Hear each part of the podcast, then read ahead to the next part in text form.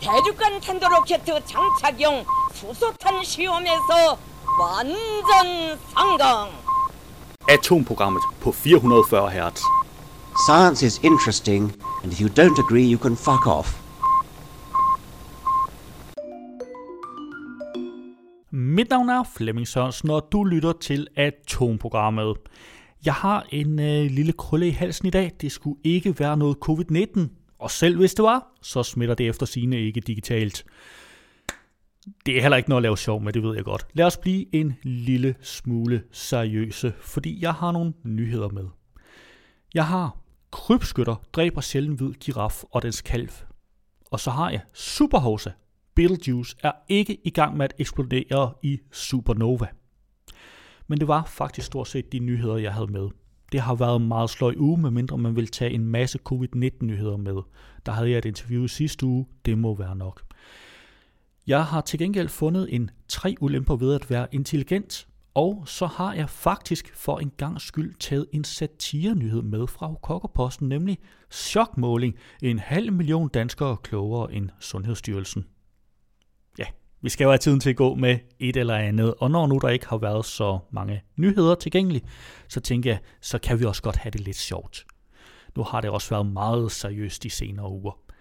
Og så har vi selvfølgelig ugens opdatering fra NASA.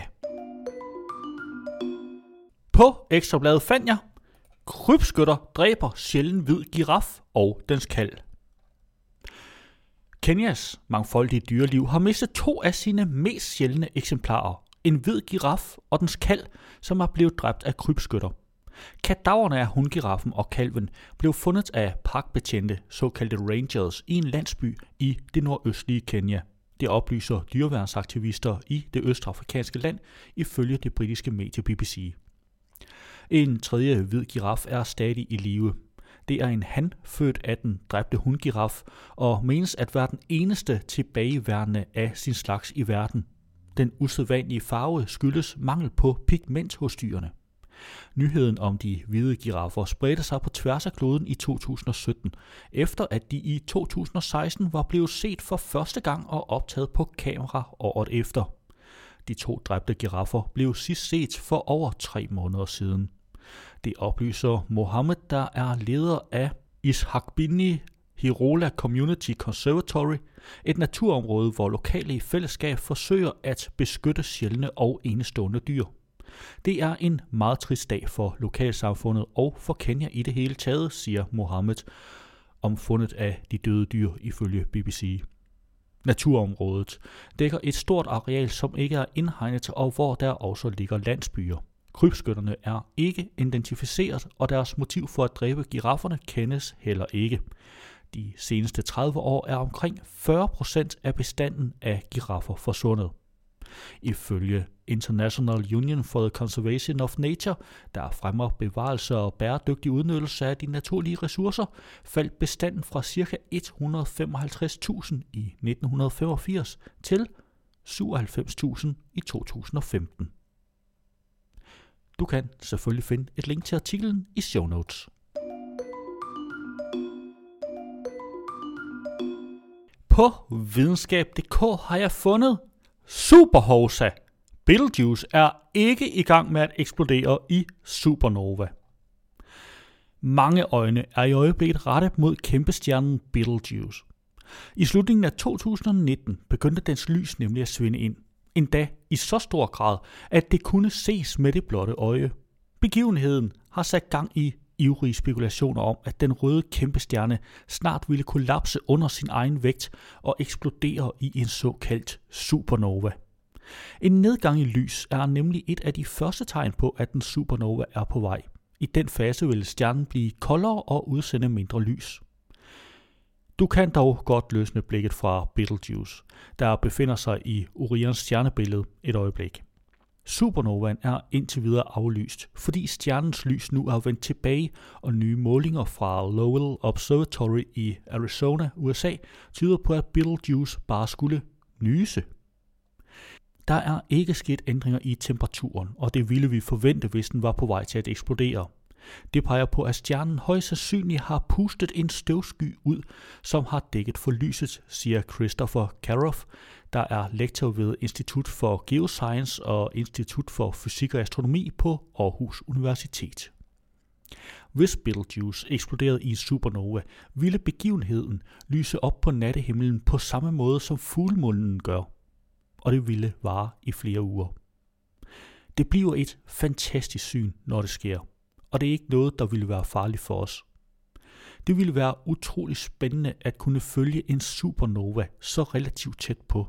Det har vi aldrig haft muligheden for før, siger Christopher Karoff. Men før du ærger dig alt for meget over, at der ikke er en supernova på himlen endnu, så er det faktisk også meget spændende, det Beetlejuice har gang i. Den har nemlig højst sandsynligt spyttet en stor sky af stjernestøv ud, og forskerne ved ikke helt, hvorfor den gør det. Den slags støv, som Betelgeuse skyder afsted, bliver nu en del af det store kosmiske kredsløb. Det er den slags støv, vi alle sammen er dannet af, og som danner nye stjerner og planeter. Men vi ved faktisk ikke, hvorfor den gør det, eller hvor meget støv den slags stjerner laver, siger Anja C. Andersen, professor på Niels Bohr Instituttet ved Københavns Universitet og forsker i netop stjernestøv. Anja C. Andersen fortæller desuden, at stjernestøv hurtigt bliver nedbrudt af kosmisk stråling i rummet, og at stjerner som Betelgeuse derfor må danne meget større mængder, end vi kan se. Andre forskere vil måske synes, at det var mere interessant med en supernova, men jeg synes ikke, støvskyen er noget dårligt bytte. For nu kan vi observere, hvordan kæmpe stjerner danner de her støvskyer, fordi Betelgeuse er så dejligt tæt på, siger hun. Rygterne om en snarlig supernova har sviger siden december 2019, hvor 40% af lyset fra Betelgeuse forsvandt. Men allerede fra begyndelsen var der forskere, der havde andre teorier. Det er nemlig ikke usædvanligt, at store stjerner som Beetlejuice ryster stjernestøv af sig. Vi ser det hele tiden hos røde superkæmper, og det er en normal del af deres livscyklus. Røde superkæmper afgiver fra tid til anden materiale fra deres overflade, som samler sig rundt om stjernen som støv. Mens det køler og forsvinder, vil støvet absorbere noget af lyset og blokere for vores udsigt, siger Emily Lewisk, der er lektor i astronomi på Washington University i en pressemeddelelse. 14. februar 2020 undersøgte hun sagen sammen med en kollega ved at måle overfladetemperaturen på Betelgeuse. Temperaturen viste sig at ligge på 3.325 grader Celsius. Det er blot en 50-100 grader koldere end stjernen var i en måling fra 2004. Vi kan ikke måle Beetlejuices temperatur med større nøjagtighed end inden for 50-100 grader, og hvis den var på vej til at eksplodere, ville vi se en større ændring i temperatur, siger Christopher Karoff. Resultaterne er i øjeblikket på vej i en videnskabelig artikel, der er accepteret af tidsskriftet Astrophysical Journal Letters, men endnu ikke udkommet. Betelgeuse kan dog stadig eksplodere i en supernova inden for relativt kort tid. Røde superkæmper bliver ikke særlig gamle, og det at puste støv ud er faktisk et symptom på, at Betelgeuse nærmer sig slutningen af sin levetid. I de sene stadier udsender kæmpe stjerner vinde. Det materiale, der befinder sig yderst i stjernen, kan blive blæst væk. Man kan sige, at den pulserer, fortæller Jes Christian Jørgensen, der er lektor på Niels Bohr Instituttet. Strålingen, som stjernen udsender, kæmper mod den store tyngdekraft i midten, mens stjernen forbrænder lette grundstoffer. Men på et tidspunkt vil der ikke være flere lette grundstoffer tilbage, og så vil stjernen eksplodere i en supernova, forklarer Christopher Kauf. Den skal bruge et strålingstryk for at kæmpe mod tyngdekraften, og når strålingen forsvinder, kollapser stjernen under sin egen vægt. Her bliver tætheden og energien, som den skal af med, rigtig høj. Det bliver til en eksplosion, hvor al energien kommer ud på én gang, fortæller han. Forskerne forventer, at Betelgeuse vil eksplodere i en supernova inden for de næste 100.000 år, men ved ikke hvornår. Teknisk set kan det allerede være sket, da lyset fra eksplosionen vil tage godt og vel 600 år om at nå frem, fordi Betelgeuse er omkring 600 lysår væk. Det vi ser, når vi kigger på Betelgeuse nu, er med andre ord sket for omkring 600 år siden. Men vi ved endnu ikke, hvornår det sker, siger Christoffer Kærhoff.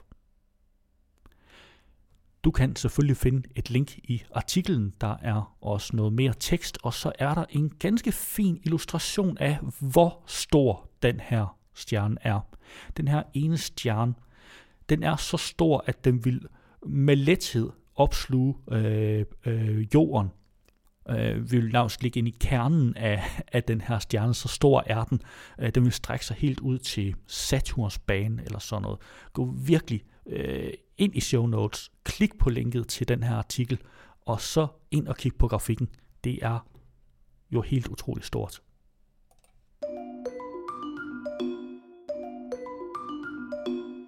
Nu plejer jeg ganske vist ikke at have den her slags artikler med, men det har jeg den her gang, fordi vi har tiden til det.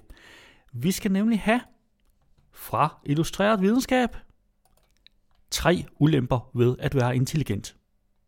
De fleste af os vil gerne være lidt klogere end andre og fremvise tårnhøje intelligenskvotienter. Men det er ikke nødvendigvis så misundelsesværdigt, som man skulle tro. Der lægger sig nemlig også en række overraskende ulemper i slidstrømmen af en velsmurt hjerne. Her finder du et udvalg af dem. 1. Du bekymrer dig mere. Hvad er meningen med livet? Var jeg lidt for hård ved min kollega i dag? Og får vi mundgrøntsager nok? Intelligente mennesker har ofte en særlig evne til at bryde hjernen over alt lige fra tunge eksistentielle spørgsmål til mængden af farvestoffer i maden. En undersøgelse publiceret i 2015 viste, at den høj såkaldt verbal intelligens også hænger sammen med en stigende tendens til at bekymre sig om og tykke drøv på ting, der er sket. Forskerne opdagede desuden også en svag sammenhæng mellem høj intelligens og en øget risiko for angst og depression. 2. Du undervurderer dine egne evner. Jo mere du ved, jo mere ved du, at du ikke ved, lyder et ordspil, og noget tyder på, at det har godt greb i virkeligheden. Det kom til udtryk i en berømt undersøgelse fra 1999, hvor to amerikanske psykologer, Justin Kruger og David Dunning, påviste, at vi mennesker har en tendens til at overvurdere vores egne evner, jo lavere en intelligens vi har, og omvendt. I en undersøgelse udsatte psykologerne deltagerne for en test, hvor de efterfølgende skulle vurdere, hvor mange rigtige svar de selv havde. Og her viste det sig blandt andet, at de, der lå i den laveste fjerdedel pointmæssigt, selv overvurderede antallet af rigtige svar med 50%. På den anden side undervurderede de, der lå i den øverste fjerdedel, antallet af rigtige svar. 3. Du er sensitiv over for lyde. Saftig smasken, brummende bilmotorer og klikkende tastaturer. Verden er fuld af støjende elementer, og det kan være særlig udfordrende, hvis du er udstyret med en høj intelligens. Det var blandt andet konklusionen i en undersøgelse fra Northwestern University, som viste, at forsøgsdeltagere med høj kreativ intelligens også blev mere distraheret og negativt påvirket af lyde. En del af forklaringen fra forskerne var, at personer med høj kreativ intelligens suger verden ind med samtlige sanser og derfor ikke er i stand til at lukke af, som andre mennesker kan det. Du kan selvfølgelig finde et link til artiklen i show notes, og i artiklen er der i øvrigt linket til de nævnte undersøgelser.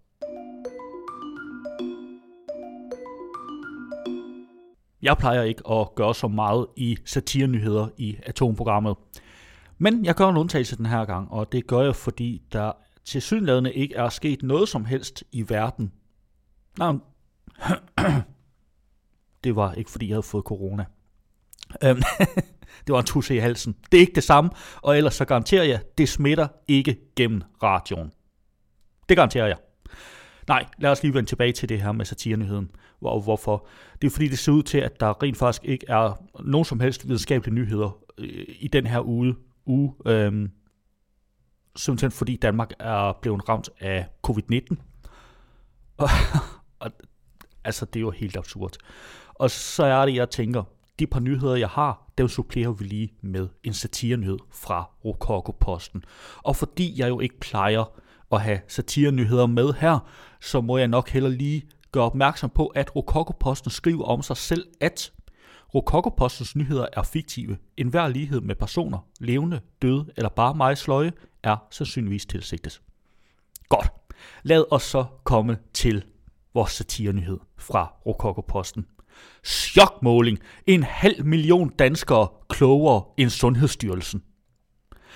En ny undersøgelse af analyser delt på Facebook afslører, at op mod en halv million danskere har større medicinfaglig indsigt end eksperterne i Sundhedsstyrelsen, som nu overvejer massefyringer. En ny undersøgelse, som viser, at et stort flertal af danskerne på sociale medier er langt klogere på coronavirusen end Sundhedsstyrelsens eksperter, sender chokbølger gennem styrelsen. Vi er dybt rystet. Vi har et utal af læger, der enten har en Ph.D. eller en doktorgrad i virussygdomme. Tilsammen repræsenterer vores eksperter over 600 års forskning inden for smittespredning, og alligevel må vi se os overhalet indenom af så mange helt almindelige danskere, udtaler direktør for Sundhedsstyrelsen Søren Brostrøm. Kleinsmed J. Johansson fra Tilst ved Aarhus er en af de mange danskere, der på Facebook har analyseret de foreliggende data. Hvis Sundhedsstyrelsen var i stand til at læse tal og se nøgternt på tingene som jeg, ville de ikke ense denne virus på nuværende tidspunkt. Så længe man ikke møder nogen fra Kina eller Italien, kan jeg ikke se problemet, og det gør jeg stort set aldrig, forklarer han på Facebook. Susse Abelonsen fra Tornby, der netop har deltaget i det store hesteshow i Herning med sin treårige sortbrogede hengst Freddy, skriver i en kommentar på samme medie, at aflysning af arrangementer med over 1000 deltagere er en klar overreaktion. Det er total massehysteri. Kom videre i livet op i røven med den åndssvage virus. Hvis det ikke er en virussygdom, vi skal dø af, så er der tusind andre ting, vi skal dø af. Jeg giver ikke fem flade ører, end sige en hel corona for det pis. En lignende vurdering kommer fra førende fremtidsforsker Anne Skar Nielsen. Jeg har for nogle år siden taget et førstehjælpskursus hos AOF, hvor vi lærte at se rationelt på tingene. For mig at se er det ude af proportioner at aflyse alle store arrangementer og begynde at lave regler for kindkys og kram. Det er altså meget godt en gang imellem at ringe til virkeligheden. Min fremtidsforskning peger på, at vi alligevel alle bliver smittet. Så kan vi lige så godt blive det først som sidst. Efter den chokerende måling planlægger Sundhedsstyrelsen nu massefyringer af eksperter de skal erstattes af en telefonsvarer, hvor alle indsigtsfulde danskere kan indtale deres analyser, så regeringen kan trække på den bedste viden på området. Og jeg vil bare lige endnu en gang gøre opmærksom på, at det var en satirenyhed fra Rokokoposten, og Rokokoposten skriver om sig selv, at Rokokopostens nyheder er fiktive i enhver lighed med personer, levende, døde eller bare majsløje, er sandsynligvis tilsigtet.